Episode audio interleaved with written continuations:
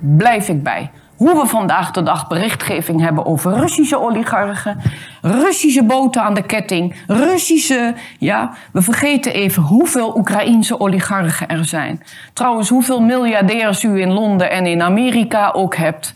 Ook dat. Aparte lezing voor later over wie Poetin is. En hoe die daarmee heeft gekampt de afgelopen twintig jaar. Behalve dat heeft Oekraïne niet alleen de macht van de oligarchen. Heeft Oekraïne ook um, ja, een uh, presidenten die in mijn ogen absoluut geen beleid kunnen voeren. Ja, en dat dus is ook moeilijk in een grensland waaraan je getrokken wordt. En de ene keer had u daar zo'n president, Kravchuk, Kuchma, Timoshenko. Geen details nu, maar iedere vijf jaar, iedere zes jaar een andere koers. Pro-Westers, pro-Russisch. Pro-Westers, pro-Russisch. Intussen gaan steeds meer miljoenen Russen terug naar hun moederland. Want ze zien dat het hier rommel blijft en chaos blijft. En de oligarchen, de macht van de oligarchen, en de presidenten, en een ontwrichte bevolking, en die inmenging om naar de westerse wereld getrokken te worden. Ja.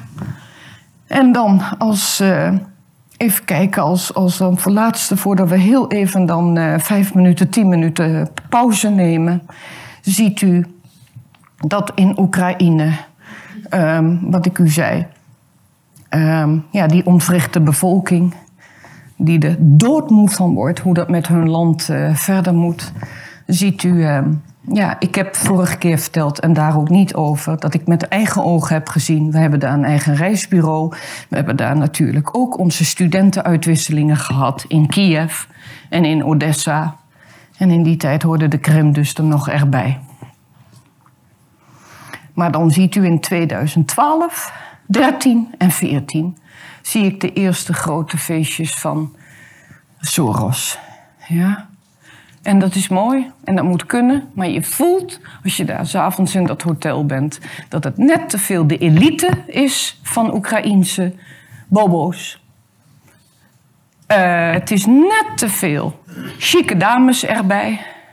Het zijn feestjes waar de gewone Oekraïne weinig weet van heeft, ook niet naar binnen kon. Verder hebt u heel veel, wat ik zei, de NGO's van de Clinton Foundation. Ik heb ze overal zien flyeren. Kom maar naar democratie. Kom maar naar, naar deze uh, popconcert. Dan krijg je een voorlichting hoe je met marketing kunt zijn. Kunt u, weet u, ik kan het al heel goed merken hoe Zelensky nu bij ons wordt gepresenteerd. Alsof hij een soort, nou ja, Churchill is tot en met, uh, ik weet niet wat voor een andere held. Ja, daar zie je al hoeveel training deze man heeft gehad. Denk aan dit denken wat ik u probeerde uit te leggen.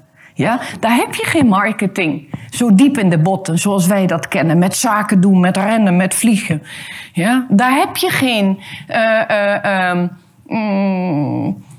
uh, nou ja, dat alles wat je met social media kunt doen. Maar in die periode die ik u net schets, voor de Maidan, ziet u heel duidelijk dat daar veel mensen zijn die. Uh, die uh, getraind worden in dit opzicht door Amerikaanse NGO's. En die kunnen goede bedoelingen hebben. Maar er kan ook een heel groot plan achter zitten. Wat we later dus gaan uh, ontdekken. En waar velen van u al op de hoogte zijn.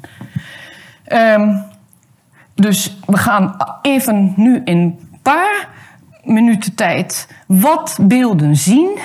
Waar we die, dat ik niet uit mijn nek klets.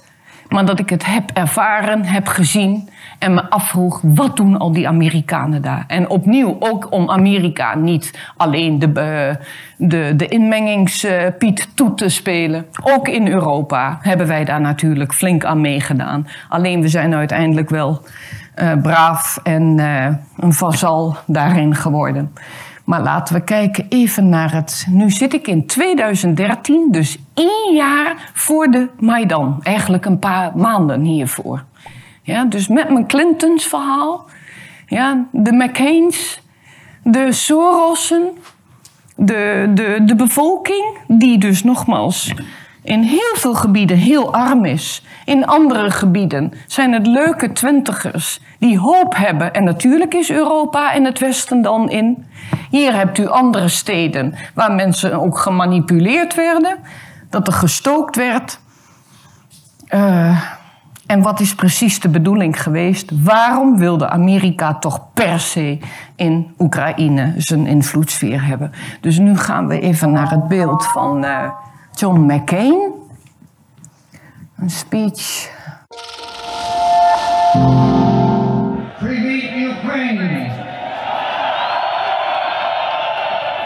People of Ukraine, this is your moment. Народи український, це ваш момент. This is about you, no one else. Це про вас. This is about the future you want for your country. This is about the future you deserve. Це про ваше майбутнє, про майбутнє вашої країни. Це про майбутнє, на яке ви заслуговуєте. A future in Europe, Майбутнє Європи. a future of peace, Майбутнє relations миру. with all of your neighbors. Майбутнє е, всіх ваших сусідів. The free world is with you. America is with you. I am with you. Подібне, що творилося, коли And the destiny you seek lies in Europe.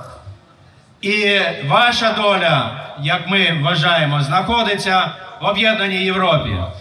Ukraine will make Europe better, and Europe will make Ukraine better. Thank you, thank you.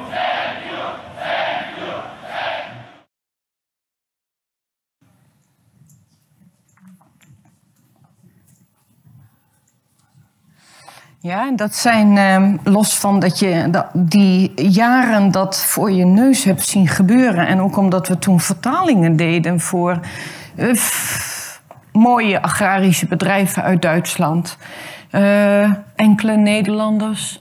Maar met name waren daar veel Amerikanen. Opnieuw geldt, zaken doen is belangrijk. Dus natuurlijk zou je ook, ook zo kunnen zien dat een John McCain daar is. Dat dat, dat, dat eh, eh, heel vanzelfsprekend is. Maar de CIA was dus voor, voor mijn collega's, hoorde ik dat meerdere malen zeggen, dat bijna alle tolkwerk, daar was iemand bij van de Veiligheidsdienst uit Amerika. En dat kende ik niet, die verhalen uit bijvoorbeeld Rusland. Want nogmaals, in Rusland is de boel op de rails aan het komen. Hier heb je dus eh, een Poetin, of we dat nou wel of niet willen horen, maar die heeft in ieder geval van die Wild Westjaren, heeft hij een redelijk stabiel land, wat daar allemaal nog gebeuren moet, maar op de rails gezet. En daar heb ik het echt niet meegemaakt met dit soort eh, betalingen of aanwezigheid eh, bij tolken. Eh, van de CIA. En vergeet niet, het is niet zo dat het in Rusland helemaal niet is geweest. Je hebt daar heel veel Amerikanen gehad. Goede Amerikanen. Geweldige zakenpartners.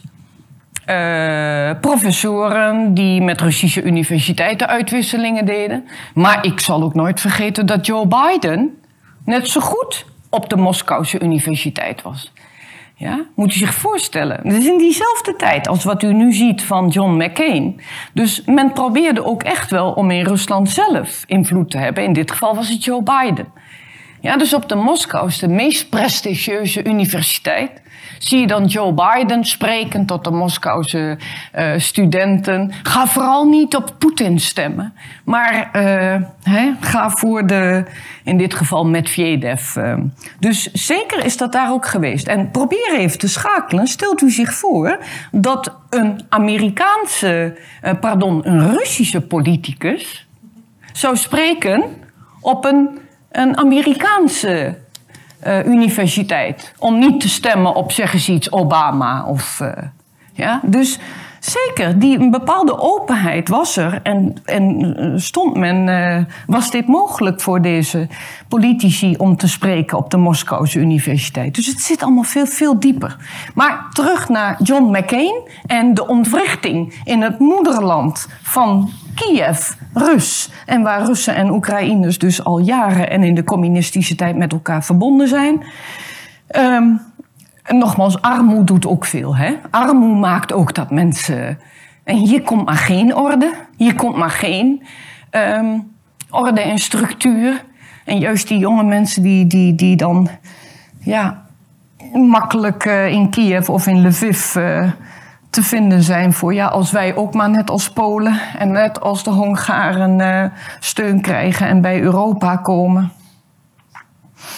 Maar dan zeg ik toch, hier is het oude Europa. Dit gaat redelijk goed. Hebben we allemaal eigen mening over. Maar ik blijf zeggen, in Oekraïne is het geen oud Europa. Hoe je het de mensen ook gunt. Ja. Maar daar is een deel elite, daar zijn kinderen bij en mensen bij van twintig. Logisch dat die een andere maatschappij willen hebben. Maar je hebt er ook heel veel mensen bij. Met Russische gezinnen, met ontwrichte gezinnen, met, met dat die mensen niet meer uh, mogen spreken uh, hun, hun, hun eigen taal. Uh, nu gaan we naar voorbeeld nummer twee, waarbij Amerikaanse macht groter is dan dat we denken. En nu gaat het over een regime change. Dus die mevrouw met die vlecht had daarvoor geregeerd, was ook heel corrupt was net zo goed niet in staat om haar land te regeren. Was samen met president Yushchenko al volop met de eerste revolutie begonnen.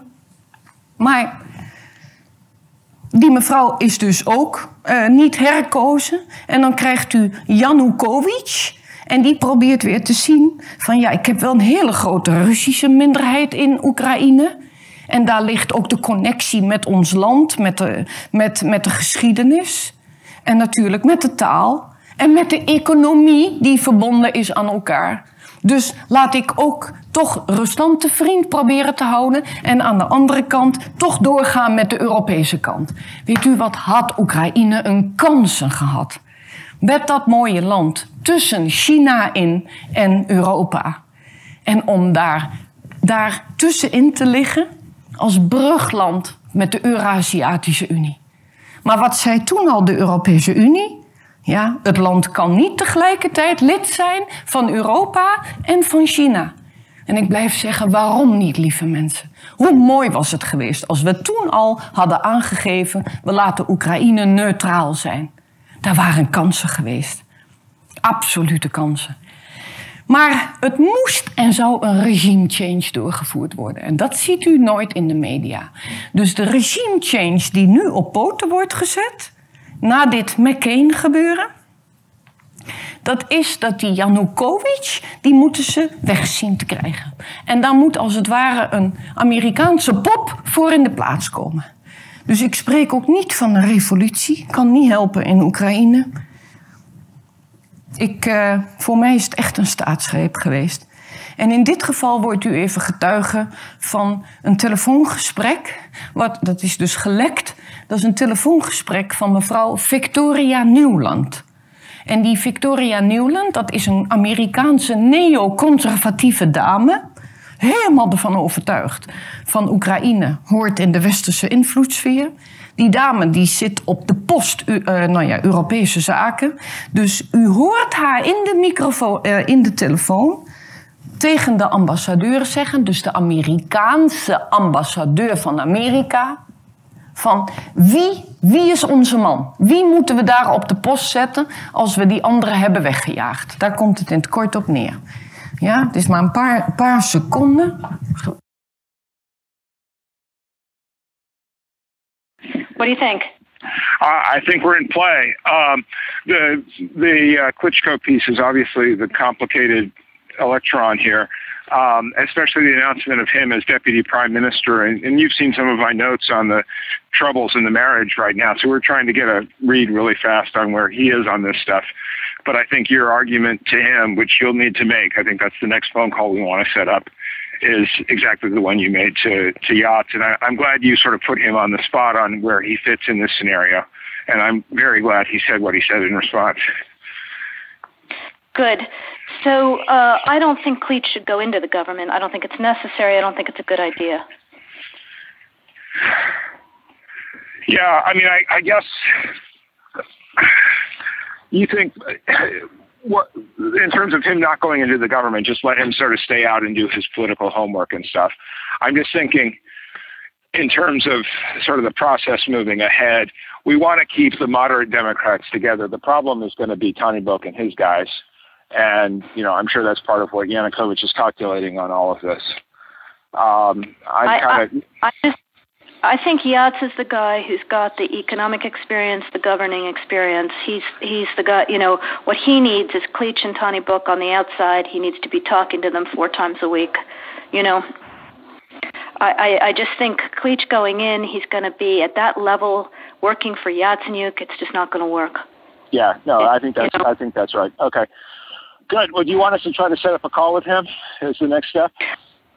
My understanding from that call, but you tell me, was that the big three were going into their own meeting, and that Yachts was going to offer in that context a, three-way, you know, the three plus one conversation or three plus two with you. Is that not how you understood it?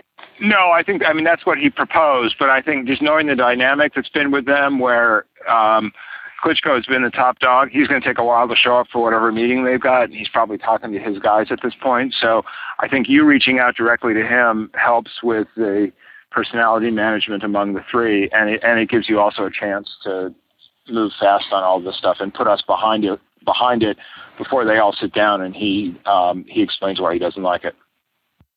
Okay, good. I'm happy. Why don't you reach out to him and see if he wants to talk before or after? Okay, will do. Thanks. Okay, I've now written. Oh, one more wrinkle for you, Jeff. Yeah. Uh, I can't remember if I told you this or if I only told Washington this. That when I talked to Jeff Feltman this morning, he had a new name for the UN guy, Robert Seri. Did I write Yeah. you that this morning? Yeah, I saw that. He, he's now gotten both Seri and Ban Ki moon to agree that Seri could come in Monday or Tuesday. Okay. So that would be great, I think, to help glue this thing and have the UN help glue it. And, you know, fuck the EU.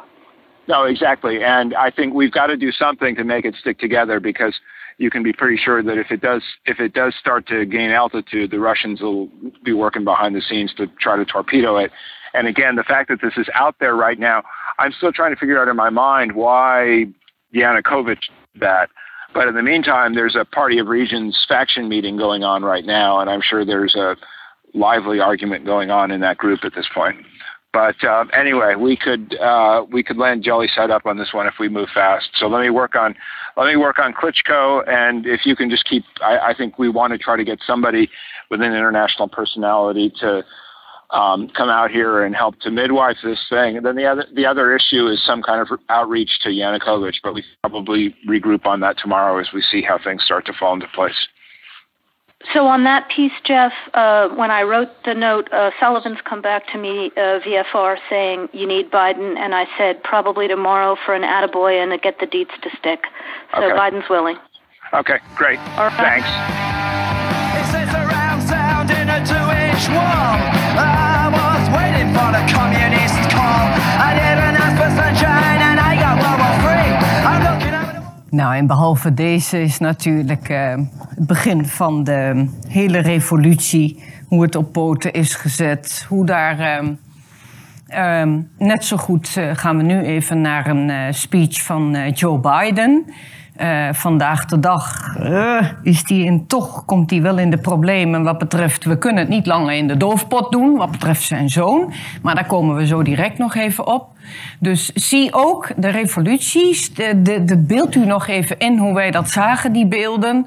En opnieuw spontane revolutie zou heel fijn zijn. En dat die Oekraïners er helemaal klaar mee waren met hun eigen beleid. En dat je iets moet. Opnieuw zeg ik van ja, een heel groot deel eh, eh, heeft die vrijheid gewild. Maar ik vraag ook aan Oekraïners om zich te verdiepen eh, van wat er op de achtergrond heeft gespeeld. Want dat is ook een not done onderwerp als je dat nu met ze bespreekt, omdat het, eh, nou ja, uiteraard voor hun op dit moment maar één boze, kwade evil is. Maar er is meer geweest waarom ze hun traditionele buur eh, zo tegen zich hebben gekregen. Hier gaan we dan naar Joe Biden, die helemaal trots al de nieuwe regering mag Thank you very aankondigen. much. Thank you, thank you, thank you. You have a historic opportunity to be remembered as the rada that finally and permanently laid in place the pillars of freedom that your people have longed for, yearned for, for so many years. I need not tell you, this is a joint responsibility the President, the Prime Minister, the members of this august body, all of you must put aside parochial differences and make real the revolution of dignity. The whole world is watching you. That's a fact. They're watching you because their hopes for your success as you fight both the unrelenting aggression of the Kremlin and the cancer of corruption will impact on them. It is no exaggeration to say that the hopes of freedom loving people the world over are with you because so much rides on your fragile experiment with demo- democracy succeeding. It's equally important, by the way, for aggressors around the world to understand that they can't use coercion, bribery, sending tanks and men across a border to ex- extinguish the dreams and hopes of a people. Let me be crystal clear. The United States does not, will not, never will recognize Russia's attempt to annex to Crimea. It's that sane, that simple.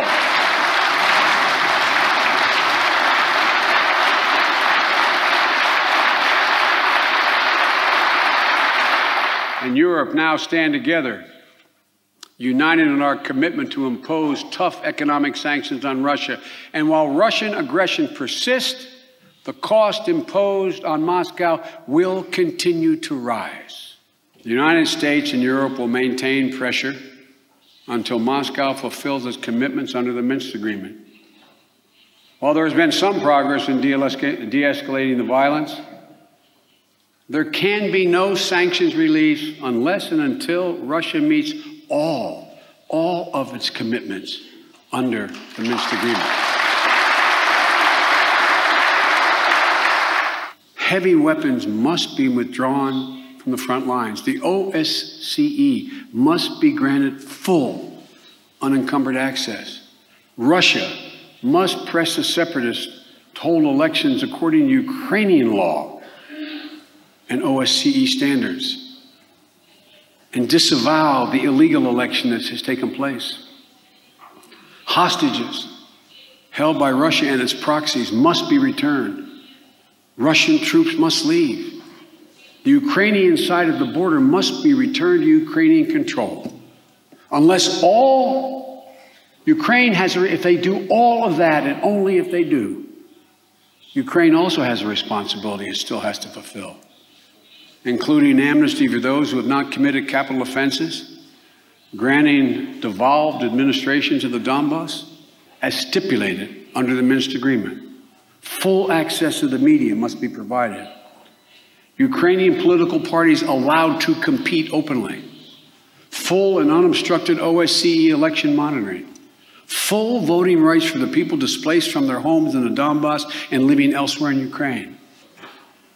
But in addition, you also have a battle, a historic battle against corruption. And it's not enough to set up a new anti corruption bureau and establish a special prosecutor fighting corruption. The Office of the General Prosecutor desperately needs reform. The judiciary should be overhauled. The energy sector needs to be competitive, ruled by market principles, not sweetheart deals. Corruption siphons away resources from the people, it blunts the economic growth, and it affronts the human dignity. The United States is with you in this fight. We understand we're with you afar. It's much harder for you than it is for us. We've stepped up with official assistance to help backstop the Ukrainian economy. We've rallied the international community to commit a total of $25 billion in bilateral and multilateral financing to support Ukraine. It includes $2 billion in U.S. loan guarantees and the possibility of more. Yesterday, I announced almost $190 million in new American assistance to help Ukraine fight corruption, strengthen the rule of law, implement critical reforms, bolster civil society, advance energy security. That brings our total of direct aid to almost $760 million in direct assistance in addition to loan guarantees since this crisis broke out. And we were, that is not the end of what we're prepared to do if you keep moving. Please, for the sake of the rest of us, selfishly on my part, don't waste it. Seize the opportunity. Build a better future for the people of Ukraine. Thank you so much for this opportunity to speak to you today. May God bless our two great nations and may God protect our troops.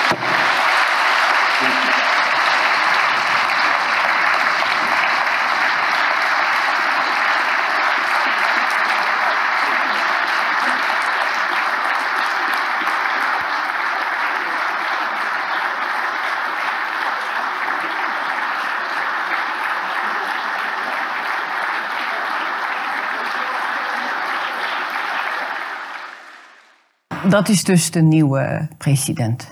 Ja. Dus even los van. ehm,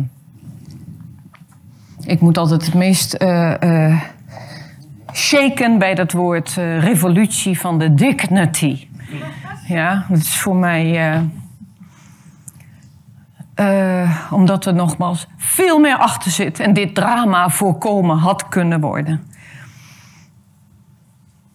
de revolutie van de waardigheid. Alsof we die Oekraïners even gaan helpen eh, met anticorruptieprogramma, met mensenrechten, met een betere, betere toekomst. In diezelfde tijd dat Joe Biden hier dus staat, is het land nogmaals eh, eh, hoopvol, maar zo, zo corrupt en zo onderuit aan het gaan. Dat de zoon van Joe Biden is Hunter Biden, die nog nooit in Oekraïne is geweest. Laat staan dat hij veel van de economie weet. Laat staan dat hij in een CEO-directieraad kan zijn. Maar die is hier dus aangesteld ehm, als, ehm, nou ja, als, als directielid van het grootste gasbedrijf van Oekraïne. Ehm, alleen al dit geeft aan. Wat is dignity? Die jongen verdient 83.000 dollar in de maand bij Burisma. Daarbij nog de, de bonussen erbovenop. Daarbij zijn ook kinderen van Nancy Pelosi tot en met eh, Devon Arthur.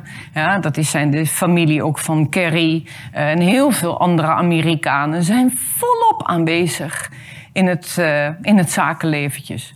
Niet te vergeten dat de oligarchen, waar u vandaag de dag ook eh, eh, het resultaat terugziet van de ene groep. Ja, die heeft nog geprobeerd ook hun Russische roots vast te houden. Of een oligarch die daar connecties mee had. U hebt natuurlijk de westerse oligarchen die weer connecties hebben met onze staatshoofden en onze zakenmensen. Het loopt helemaal uit de hand. En dat is voor mensen die in het land werken al voelbaar en al zichtbaar. Maar op het moment dat er enkele. Wat? U hebt daar genoeg goede mensen. Maar de procureur-generaal Shokin, als het ware ook iets heeft van hier klopt iets niet, hier deugt iets niet. Ook het corruptieprogramma. En die, moet dus, die gaat dus op zoek naar de zoon van Joe Biden. En dan ziet u de arrogantie hoe Joe Biden aan en afrijdt in Kiev, maar ook zegt: als deze procureur niet ontslagen is binnen zes uur dat ik terugvlieg naar Amerika, dan krijgen jullie geen 1 miljard of je krijgt mijn steun niet. Ja, dus dit fragment zult u zo direct even gaan zien. Heel apart, goed om even na te kijken. En het gaat dus over Hunter Biden. Dus nogmaals, de laptop die vandaag de dag niet in ons nieuws verschijnt, tot en met weggemoffeld is het afgelopen half jaar. Oh, geweldig. Oké. To convincing us that we should be providing for loan guarantees. And I went over, I guess, the 12th, 13th time to Kiev, and uh, and I was going supposed to announce that there was another billion dollar loan guarantee. And I had gotten a commitment from Poroshenko and from uh, Yatsenyuk that they would take action against the state prosecutor, and they didn't. So they said they had they were walking out to press conference. Said, "No," I said, "I'm not going to, or we're not going to give you the billion dollars." They said, "You have no authority. You're not the president." The president said, "I said, call him." I said, "I'm telling you, you're not getting the billion dollars." I said, "You're not getting the billion. I'm going to be leaving here." And I think it was what six hours. I looked. I said, "I'm leaving in six hours. If the prosecutor's not fired, you're not getting the money."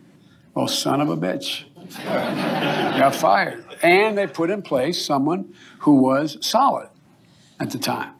Well, there's still they so they made some genuine, substantial changes institutionally and with people. And I'm not going to, or we're not going to give you the billion dollars. They said, You have no authority. You're not the president. The president said, I said, Call him. I said, I'm telling you, you're not getting the billion dollars. I said, You're not getting the billion. I'm going to be leaving here. And I think it was, what, six hours? I looked, I said, I'm leaving in six hours. If the prosecutor's not fired, you're not getting the money. Well, son of a bitch. Got fired. Ja. Dus voor de mensen die dit opnieuw willen gaan zien, nogmaals, er zijn wakkere mensen, ook in de rechtspraak, en die proberen dit te gaan onderzoeken. Hoe kan het dat de zoon van Biden op zo'n post zit, tot en met inderdaad ons zeggen dat ze ons helpen met het anticorruptieprogramma. En juist deze procureur-generaal Shokin, als u dat wilt nakijken, die gaat dat onderzoeken. Maar dat kan natuurlijk niet voor de familie Biden, tot en met de hele Amerikaanse regering, dat hiermee aan het licht zou kunnen komen. Dat zo'n lief uh, uh, en vader net zo goed ook op hun manier lucratieve contracten hebben afgesloten. Um, nu het volgende fragment is allemaal in dezelfde tijd. En dat gaat over de wapenleveranties. En enkele van ons zullen natuurlijk ook denken van ja, Oekraïne heeft hulp nodig. En anderzijds, nogmaals, hoe is de geschiedenis? Hoe is alles zo gegaan?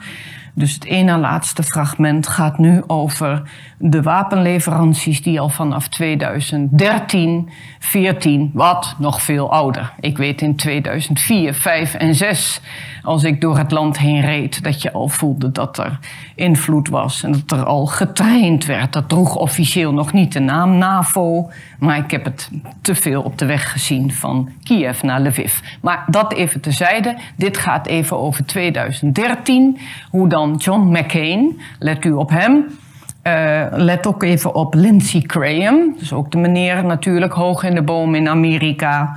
En, uh, en u ziet daar de president bij. Dus de president Poroshenko, de chocoladekoning... die dus door de Amerikanen is aangewezen als de juiste man... die Oekraïne uh, moet gaan leiden.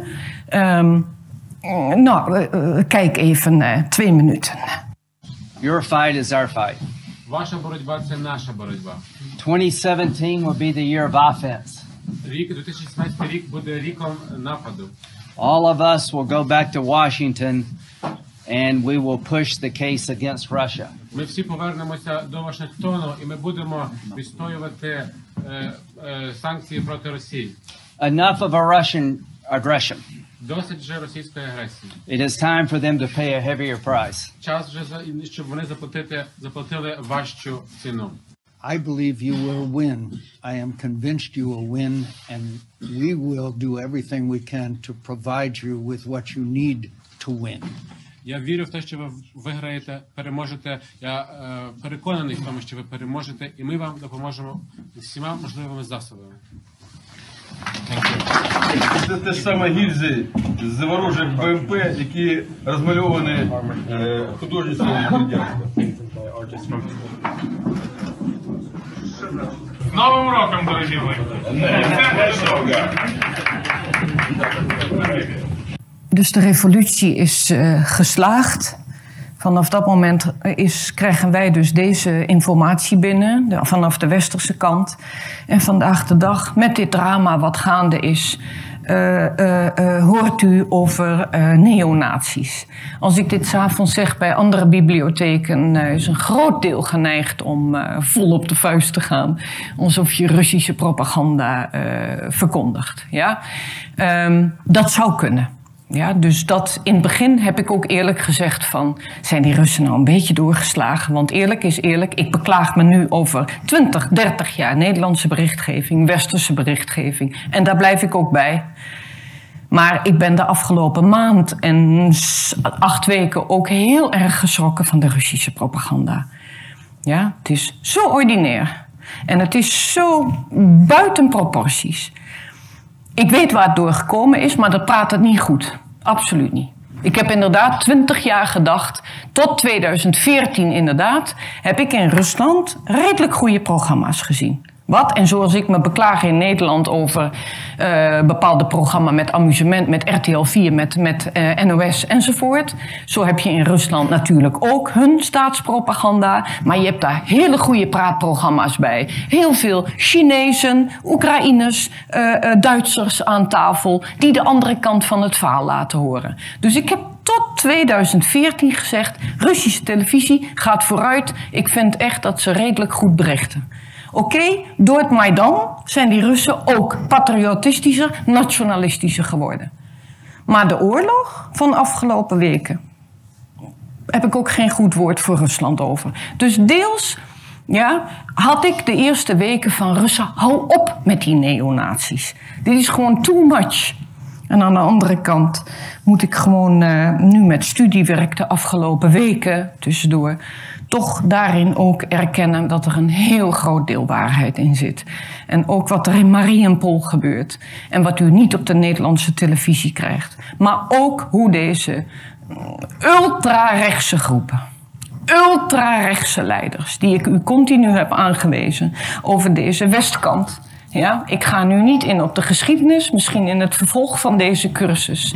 Dit is lang Oostenrijkse Rijk geweest, Poolse Rijk. Hier is Hitler ja, natuurlijk. Uh, dit, dit, Oekraïne is ook, vooral op dit gebied, de dupe geworden van Stalin en van Hitler. Dus ook dat, geschiedenis uh, bestuderen.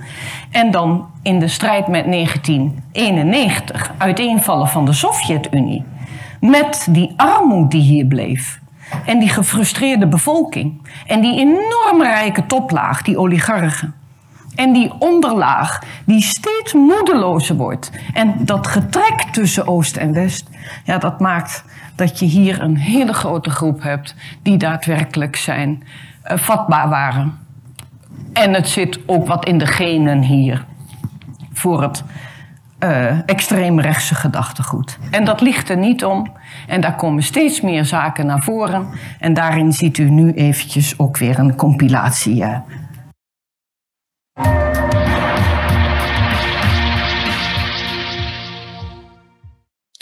It's the real news. I'm Aaron Mate. A surge of neo Nazism and anti Semitism in Eastern Europe has a strong U.S. tie. The Polish Senate has approved a law that criminalizes the assigning of responsibility to Polish nationals for the crimes of the Nazi Holocaust and for using the term Polish death camp. Poland's far right government is a close U.S. ally and was openly embraced by President Trump in a visit last July. And meanwhile, in Ukraine, it has just been revealed that the U.S. has supplied military assistance to the Azov Battalion, a far right militia known as a bastion of neo Nazism within the Ukrainian armed forces. Max Blumenthal is a best selling author and senior editor of the Gray Zone Project. His recent piece, published by The Real News, is called The U.S. is Arming and Assisting Neo Nazis in Ukraine while Congress debates prohibition.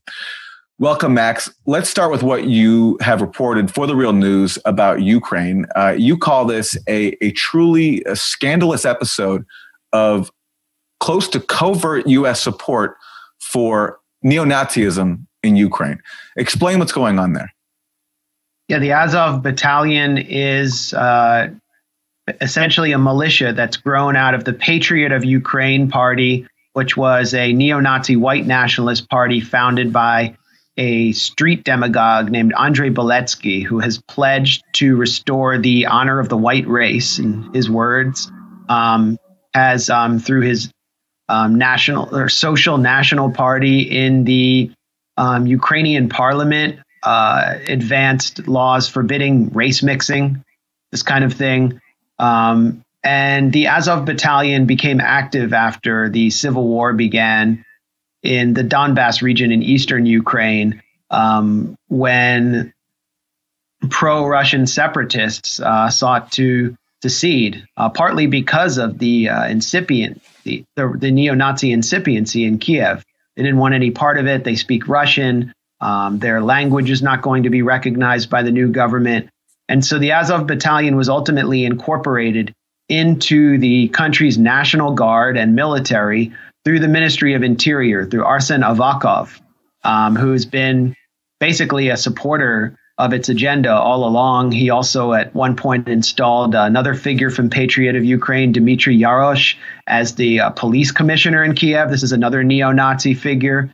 Um, and, you know, all along we saw these denials, especially in 2014 during the Maidan uh, so called Revolution of Dignity, which was actually a right wing nationalist coup against a democratically elected government. Uh, we heard liberal voices like Timothy Snyder or uh, neoconservative operatives like Jamie Kirchick deny the very existence of neo Nazism in the ranks of the Maidan. Uh, now I think it's very clear that Azov is on the march, and I'll get to that in a minute.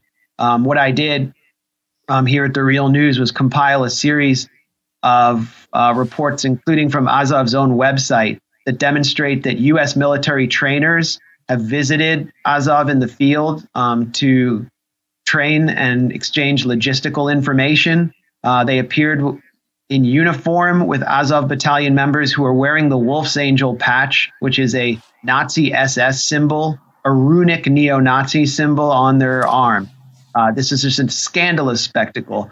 Not only that, contracts have been revealed showing that the Texas based Airtronic Arms Company has produced PSRL 1 grenade launchers that were actually authorized under the watch of the State Department and delivered directly into the hands of the Azov battalion. So the U.S. has armed Azov. Ja, dus um, omdat uh, we moeten afronden, u allemaal. Um, als laatste dus voor uzelf dit zoekwerk, vooral over de trainingen van de neonazies, uh, de ultra-rechtse meneren die ook in eerste instantie in het parlement hebben gezeten. Um, dramatisch, in het jaar 2016 ontging het ons nog. Daarbij waren wij vooral in het Westen gericht op, uh, wat is het, ons leven. Tot en met Russia Kate kregen we. Uh, dat is die hele rel tussen uh, Clinton en, en Trump. Dat was ook wat afleiding. daar krijgen we het Syrië-hoofdstuk bij. ook weer toch aan één kant belicht. ik weet niet hoeveel andere dingen. Navalny werd benadrukt in de Nederlandse kranten. Skripal, Alsof Poetin achter die gifbeker zit en heel veel andere zaken. Wit-Rusland liep helemaal uit de hand. Maar het viel me op dat we zoveel dingen echt continu uh, eenzijdig hadden bericht. En het was net alsof de versnelling iedere keer hoger ging, hoger ging, hoger ging. Om ons tegen dat land op te zetten. Met alles wat er in Rusland niet deugt, wat er helemaal uit de hand gelopen is nu, is dat gewoon vooral. Dat kan niet. En om daarin ook bepaalde Nederlanders te willen laten zien waar we in meegesleurd worden, lieve mensen. Wat we ook niet hebben gezien als laatste, is dus dat deze man, die dus is aangesteld door de Westerlingen, voornamelijk, hè, u hoorde die Victoria zeggen met dat telefoongesprek van uh, Yatsenyuk. Nou, hij was dan de premier, maar deze man is dan president. En hij oogt inderdaad als een hele beschaafde man. Hij ziet er goed uit, ja. Hij heeft een mooi gekapt hoofd. Hij is een van de rijkste oligarchen, twintig jaar lang geweest. Heeft ongetwijfeld ook, uh, ja, nou ja, daar gaan we weer, zoals ik met u begon, de hele lezing. Uh, de juiste studie gedaan, heeft snel de westerse zaken doen en economie opgepakt. Maar het was absoluut een man die op geen enkele manier rekening hield met de minder bedeelden, tot en met de Russische inwoners die daar eeuwen hebben gewoond. Niet alleen in de communistische tijd, dat u daar naartoe werd gebracht. Ja, dus in 2016 zien we dat hij regeert. Uh, dus 2014, 15, 16. Maar ik heb me al die tijd afgevraagd 2015, 16, 17. Wat maakt dat wij dat in Nederland niet zien? Hoeveel vluchtelingen daar uh, zijn die allemaal Rusland ingaan? Miljoenen. Behalve dat zijn er natuurlijk ook bombardementen uitgevoerd. En meestal geloven Nederlanders mij niet. Zo'n beschaafde man, die doet dat toch niet. Die gaat toch niet op zijn eigen volk. Dan heb je weer die tweesplitsing. Dus hier in Oost-Oekraïne, waar Donetsk en Lugansk mensen niet mee wilden met die pro-westerse tour. Ja. Nou, hier ziet u het letterlijk wat hij heeft gezegd. Ja, dus hij wilde dat die Oost-Oekraïners meegingen met zijn regering. En dan maar onder dwang. Dus hij zegt, wij zullen banen hebben. Zij, dat is dus Oost-Oekraïners, niet. Wij zullen pensioenen hebben. Zij niet. Onze kinderen gaan naar scholen en kinderdagverblijven. Hun kinderen zitten in kelders. Zij zijn niet in staat om iets te doen. En dat is hoe wij deze oorlog zullen winnen. Ook deze woorden meerdere malen naar NOS, naar RTL 4, gemaild en dergelijke. Maar werd niet opgenomen. En ik blijf het me afvragen, hoe kan het? Is het bij onze media of bij onze politiek daadwerkelijk onwetendheid? Om het aardig te zeggen. Is het bewuste strategie? Velen van u lopen er zelf tegenaan. Iedereen een tussenweg of een, een eigen mening, pardon. Ik kan u nou niet langer ophouden. Maar er is veel meer aan de hand met dit hele Oost-Oekraïne-verhaal en met uh, de regime change. En dat per se de macht willen hebben. Daarbij heeft deze man natuurlijk alle dienstplichtigen opge opgeroepen. 2015, weet ik ook nog heel goed. Vrienden, uh, ook die jongens hadden van 18, 19 jaar. Maar wat dacht u als u in Kiev woont of in Odessa en u hebt Oekraïense ouders of u hebt een Oekraïense moeder en een Russische vader? Die dienstplichtigen, die gingen allemaal op de vlucht. Die gingen of naar Europa of naar Rusland. Die wilden niet tegen hun eigen volk vechten. Ook begrijpelijk. Ja. Een ander ding wat er in diezelfde tijd is gebeurd, is dat ook weer door ultrarechtse groeperingen is de boel opgestookt in Odessa. En daar hebben veel van mijn vrienden in Rusland en Europa het over. Dat zij zeggen van hoe kan het in Odessa dat dat zo uit de hand is gelopen. Voor iedereen die dat weet, hoe dat was. In Odessa van oudsher ook een stad met heel veel Russische mensen. Stad van Katarina de Grote. Stad van Postovski. Van, uh, van Mandelstam en van Babel. En van geweldig Oekraïens-Russische grootheden en, en geschiedenis daar.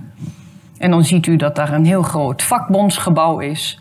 Waar in principe Oekraïners en Russen de afgelopen jaren gespannen maar redelijk hebben samengeleefd. Er was geen keuze. Maar daar worden bewust Russen in dat huis gebracht. En daar wordt uh, een, uh, nou ja, het rel wordt, wordt erger en erger. En dit huis is in brand gestoken. Ontzettend, uh, ze staan er ook nog bij te joelen van Slava Oekraïne. Dus, maar niets daarvan in onze westerse berichtgeving. Maar dan kun je ook, als dat wel bij ons was getoond, iets meer begrijpen het is maar één van de duizenden incidenten. Dat als wij daar ook wat meer achtergrond over hadden gehad, dan was het denk ik ten goede gekomen voor ons algehele denken en om in ieder geval vrede in dit deel na te streven. Kortom, lieve allemaal, nu niet verder. Ik weet dat we allemaal naar huis moeten, maar dit is het einde van uh, ja, ja, de inmenging en de regering van deze man. Een jaar geleden is, uh, is, uh, is is de cabaretier gekozen. Um, met, met, dat blijf ik ook zeggen, ongetwijfeld een, een, een, prima man op de bühne. Maar u kunt zien, die man heeft helemaal geen, geen keuze gehad. Ja, even los van wat je voor capaciteiten moet hebben. Maar u voelt al lang wat er aan hem getrokken is. De oligarch Kolomoisky, dat is de vijand van deze oligarch. Alleen maar oligarchen en machthebbers en wel of niet stroopop. Maar wat er vandaag aan de hand is met Zelensky, die man die regeert niet het eigen land. Ik durf te zeggen, vanaf Amerika wordt hier uh, enorm uh, gestuurd. En dit is uh, niet alleen Amerika. Ik hoop dat Ursula van der Leyen ook in ieder geval op een manier dat het allemaal niet te veel de emotie van de dag is om per se Oekraïne versneld toe te laten. Veel meer aan de hand. Um, Rusland en Oekraïne moeten met elkaar om de tafel. Voordat dit helemaal uit de hand loopt. En sommige Nederlanders vragen me van... is er in Rusland uh, niet een generaal of een soldaat... die uh, de weg kwijt is of op de rode knop zit? Nou, aan de andere kant, het is... ik vind het niet fijn om zo te eindigen... maar er is veel meer aan de hand dat je ook kunt afvragen... in hoeverre in Amerika eh, zijn er bepaalde generaals, hortjes, die er bovenop wil. Generaal Mark Milley, generaal Austin, ja, die er bovenop moeten, dat het daar niet uit de hand kan lopen. Ja, laten we hopen voor volgende week, als we naar een thema gaan met de bevrijdingsdag, wat we ook te danken hebben aan deze Oekraïners en aan Russen, wat die voor Europa hebben gedaan als vrijheid. Hopelijk volgende week iets, een, eh, een klein, eh, klein lichtpuntje. Maar op dit moment is het nog eh, heel erg dramatisch, maar ook gevaarlijk. Lieve allemaal, wel thuis. Dank u wel dat u er was. Eh.